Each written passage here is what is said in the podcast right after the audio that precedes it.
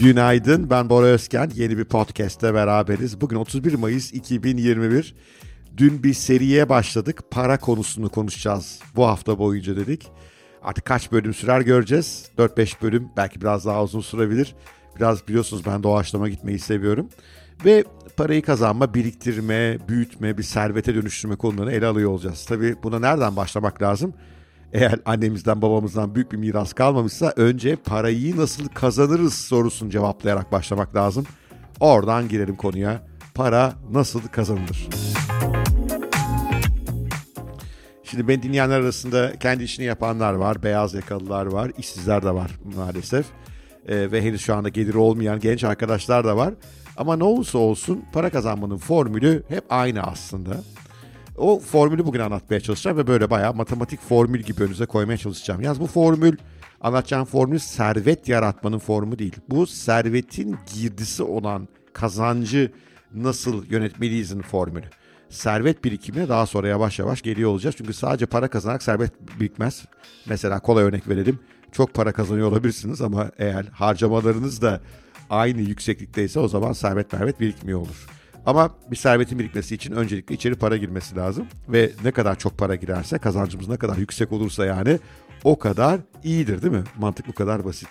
Peki nedir iyi kazancın formülü halde? Ne gibi elementleri var böyle bir matematik formülün? İlk element değer. Öncelikle birilerine değer katıyor olmamız lazım. Çünkü birilerinin bize para vermesi için bunun bir ticaret olduğunu varsayarsak bizim de onlara bir değer katıyor olmamız lazım. Yani biz ona bir değer katacağız ki o da diyecek ki helal hoş olsun Bora ben de sana para veriyorum. Peki değer katmak demek ne demek? Değer katmak aslında karşındakinin bir problemini çözmek olabilir. Yapmakta işi zorlandığı bir işi yapmasını kolaylaştırmak olabilir. Veyahut da onun işte biraz eğlenmesini, neşelenmesini sağlamak olabilir. Her şekilde değer katmak demek karşı taraftaki insanın sizle olan takasından memnun olması ve bu takasın devam etmesi için size para ödemeye hazır olması demek. Şimdi formül üzerine biraz gidelim sonra bunları bütünlemeye çalışacağım. Formülün ikinci elementi ise tabii fiyat. Yani bu kattığınız değerinde bir fiyatın olması gerekiyor. Çünkü eğer bir sosyal girişim değilseniz yani tek derdi insanlara fayda sağlamak, insanlığa fayda sağlamak olan bir kuruluş veya bir birey değilseniz mutlaka para da kazanıyor olmanız lazım.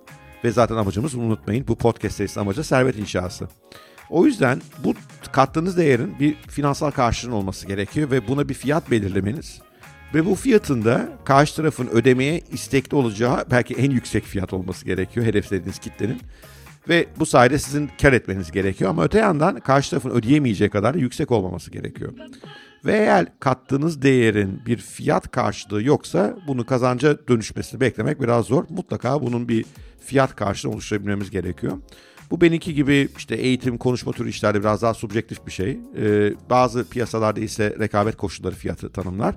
Ne zaman ki biraz daha subjektif yani fiyat üzerindeki etkinizin yüksek olduğu işlere giriyorsunuz daha fazla para kazanırsınız. Ama bu detaylara biraz tekrar gireceğiz. İkinci element o halde neymiş? Fiyat. Şimdi podcast yaptığım için böyle şekillendiremiyorum anlattıklarımı ama bunu bir paranteze alalım. Değer artı fiyat. Bunu bir paranteze aldığımız zaman ve bu iyi işlediği zaman insanlara bir değer katıp bunun karşına para almayı becerebiliyorsak bunu artırmanın yollarını aramamız gerekiyor. Bunu artırmanın yollarından biri elbette fiyatı artırmak olabilir veya çalışma saatlerimizi artırarak bunu yapıyor olabiliriz. Ama daha iyi bir yol açıkçası kaldıraçtan yararlanmak. Ne demek kaldıraç? Karşı tarafa yarattığımız değeri ve onu çarptığımız fiyatı kaldıraçla çoğaltabilir miyim? Mesela ben Bora Özkent olarak günde işte en fazla 8 saat çalışabiliyorum diyelim. Ve saati 100 dolarlık bir iş yapıyorsam günde 800 dolar para kazanabilirim.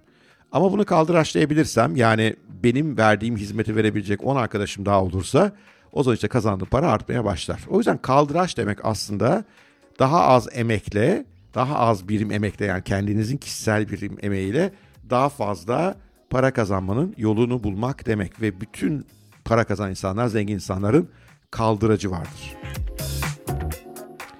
Ne demek kaldıraç? Hatırlayın formülünüzün ilk başında değer artı fiyat var. Bir değer katıyoruz insanlara ve onun karşılığında onlar bize para ödüyorlar. Ama sonuçta bir birey olarak günde çalışabileceğimiz saatler belli. İşte örneğin 8 saat. E 8 saatte katabileceğiniz değer de belli. İşte onun karşılığında saat başı atıyorum 100 dolar alıyorsanız kazanabileceğiniz para da maksimum 800 dolar oluyor. E, bu yeterli olabilir size ama çok sağlıklı model değil. Bunu bir kaldıraçla biraz artırıyor olmamız lazım. Çünkü kaldıraçla artırıyor olmak demek sadece daha fazla para kazanacağız anlamına gelmez. Allah korusun bizim sağlığımız falan bozulduğunda da para kazanmaya devam edebileceğiz anlamına gelir. O yüzden kaldıraç şart. Ne demek kaldıraç? Bir sürü şekli olabilir kaldıracı. Mühim olan bizim bu e, değer fiyat parantez içindeki değer fiyatımızı çarpacağımız ve böylece kazandığımız parayı artıracak bir yol bulmak. Bir sürü farklı kaldıraç var. Başkalarının iş gücüne ayarlanabiliriz. Mesela ben bir eğitimci olarak tek başıma kazanabileceğim para belli. Yanıma 10 tane daha eğitimci alırım. O 10 eğitimcinin de kazandığı paradan payımı almaya başlarım.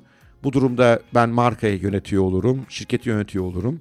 Kendim de belki eğitim vermeye devam ediyor olurum ama bir yandan da kaldıracın gücünden yararlanıyor olurum ve başkalarının emeğinden de para kazanırım. Tabii onlar da bunun karşılığında inşallah haklarıyla bir para alırlar. Çünkü öbür türlüsü biraz haksız bir kaldıraç olur. Başka bir kaldıraç teknoloji ayarlanmak olabilir. Yani yaptığım işleri otomasyonla e, ben orada değilken de akacak şekle getirebilirim ve gelir getirecek şekle. Başka bir kaldıraç sermayeli olabilir. E, paramı e, işte bazı girişimcilere yatırırım. O girişimcilerin emeğinden de para kazanıyor olabilirim. Bütün bunlar kaldıraç formülleri. Ve eğer gerçekten para kazanmak istiyorsanız mutlaka işinizi bir kaldıraçla havaya kaldırabiliyor olmanız lazım. Evet, formülün ciddi bir bölümü oluştu. Değer katıyoruz. Bunu belli bir fiyatla piyasaya satabiliyoruz. Bunu parantez içine aldık. İşin temeli bu. Değer katmak ve bundan para kazanmanın yolunu bulmak. Bunu kaldıraçla büyütüyoruz. Buraya kadar tamam bir çarpan geldi. Ama bir bence önemli element daha var servet yaratımında ve çoğu insanın kaçırdığı element bu. O da zaman. İyi para kazanan bütün işlerin zamana ihtiyacı var. Çünkü bir yandan fiyat değerin, bir yandan kaldırıcın oturması zaman gerektiriyor. Ne demek? Mesela kaldırıcın oturması için iyi kadrolar kurmak lazım. İyi kadrolar kurmak için onları eğitmek, motive etmek gerekiyor. Eğer insan kaldırıcına ayarlanırsa bu zaman alır. Yok dijital kaldıraçlardan ayarlanacaksan mesela Google'da arama motorlarında ön plana geçmek bile yine zaman alır. Markanızın temel kaldıracınız olacağını düşünüyorsanız işte benim mesela Bora Özkent markam fena bir kaldıraç değil. Çünkü bu marka sayesinde daha az efor, daha az e, satış veya pazarlama performansıyla gelir yaratabiliyorum. E bir markanın oluşması da yine zaman alıyor. O yüzden zaman sırf kaldıraç tarafından baktığımız zaman bile çok değerli. Ama formülün geri kalan bölümü içinde değerli. Mesela insanlara kattığınız değer de zaman içerisinde oturuyor, gelişiyor. Benim pek çok gördüğüm girişimde ilk başlarda biraz yalpalıyorlar. Kendine göre bir fikirleri var, şu işi yapacağım diye. Oysa aslında müşterinin istediği o değil. O değerin keşfedilmesi zaman alan bir şey yine. E, ve bir yandan da fiyatın oturması da zaman alıyor. İşte ben kendi adıma konuşmam gerekirse bundan 2-3 yıl öncesine göre eğitimlerime, seminerlerime çok daha yüksek fiyatlar e, isteyebiliyorum. E, neden? Çünkü artık kaldıraç tarafında markam oturmuş durumda. İnsanlara kattığım değerden daha eminim. O kattığım değeri e, insanlar birbirlerine anlatmış durumdalar. Hepsi bir yere gelince de fiyat da yükseliyor. Yani o yüzden zaman da lazım. Ve para kazanmak demek o halde zaman konusunda da biraz sabırlı olmamızı gerektiriyor. Peki zamanı formüle nasıl ekleyebiliriz? Zamanı formüle üstel bir fonksiyon olarak eklerdim ben. Benim kafam öyle çalışıyor en azından. Çünkü çok kritik. Yani şu ana kadar koyduğumuz bütün formülü düşünelim. Değer artı fiyat. Bunlar parantez içine çarpı kazanç. Şimdi bütün bunları parantez içine alalım. Üste ne yazalım? Bir üstel fonksiyon olarak zaman. Çünkü bütün bunlar yerli yerindeyse ve zaman konusunda sabırlıysak o zaman para kazanma ihtimalimiz çok çok artmış oluyor. Peki bütün bu anlattıklarımdan pratiklere çıkartmak lazım. Bugün para kazanma yoluna çıkan bir insanın ne yapması gerekiyor? Öncelikle başkalarına değer katıyorum ben. Ve bu değeri nasıl çok iyi katıyorum ki insanlar bana para ödemeye hazır olsunlar. Başkanın hangi işi yapmanını kolaylaştırıyorum, başkanın hangi problemini çözüyorum, başkalarına hangi yönde keyif veriyorum, eğlendiriyorum, neşelendiriyorum, hoşça vakit geçirmeni sağlıyorum gibi sorular. Bu tarafa kafa yormak lazım ve bu olmadan geri kalan hiçbir şeyin olmayacağından emin olmamız gerekiyor. Öncelikle değer katmayı keşfetmemiz gerekiyor. Değer kattığımız inandıktan hemen sonra bunu bir fiyatlama denemesini yapmamız lazım. E, ne demek fiyatlama? Bunu satmaya çalışmamız lazım. Evet pek çok hizmet modelinin belli ücretsiz bölümleri olabilir. Mesela benim e, haddiniaş.net'teki e-bültenim ücretsiz gibi. Ama Haddini Aşk Kulübü üyeliği ücretli. Yani Türkiye şartlarında oldukça yüksek ücretli ve bunu çok erken denemeye başladım. Çünkü ücretin oturması da benim için önemli bir faktördü. Bütün bu sistemin gelişmesi açısından. Sıralamada bu ikisini hallettikten sonra kaldıraçla ilgilenmek gerekiyor. Eğer bu ikisi oturmadan kaldıraçla ilgilenirseniz para kaybedersiniz. Benim daha evvel bir perakendecilik denemem oldu. Ve çok hızlı sayıda mağaza sayımı artırmaya çalıştım giyim perakendesinde. Oysa aslında ilk mağaza bile henüz çok başarılı değildi. Bu ilk mağazanın çok başarılı olmaması demek oradaki değer kazanç oranı, değer fiyat oranı oturmamış olması demek müşterinin gözünde. Onu kaldıraçla büyütmek bir felakete neden oldu ve sonunda da büyük bir borçla iflas ettim. Bundan daha evvel bahsetmiştim. O yüzden kaldıraç bu ilk ikisi oturduktan sonra üzerine bakmamız gereken konu. Ve tabi zaman zamanda sabır gerektiriyor. Ama sabır demek sadece oturup beklemek anlamına gelmiyor. Bu alttaki formülün mükemmelleşmesi yolunda her gün bilinçli efor harcamamız lazım.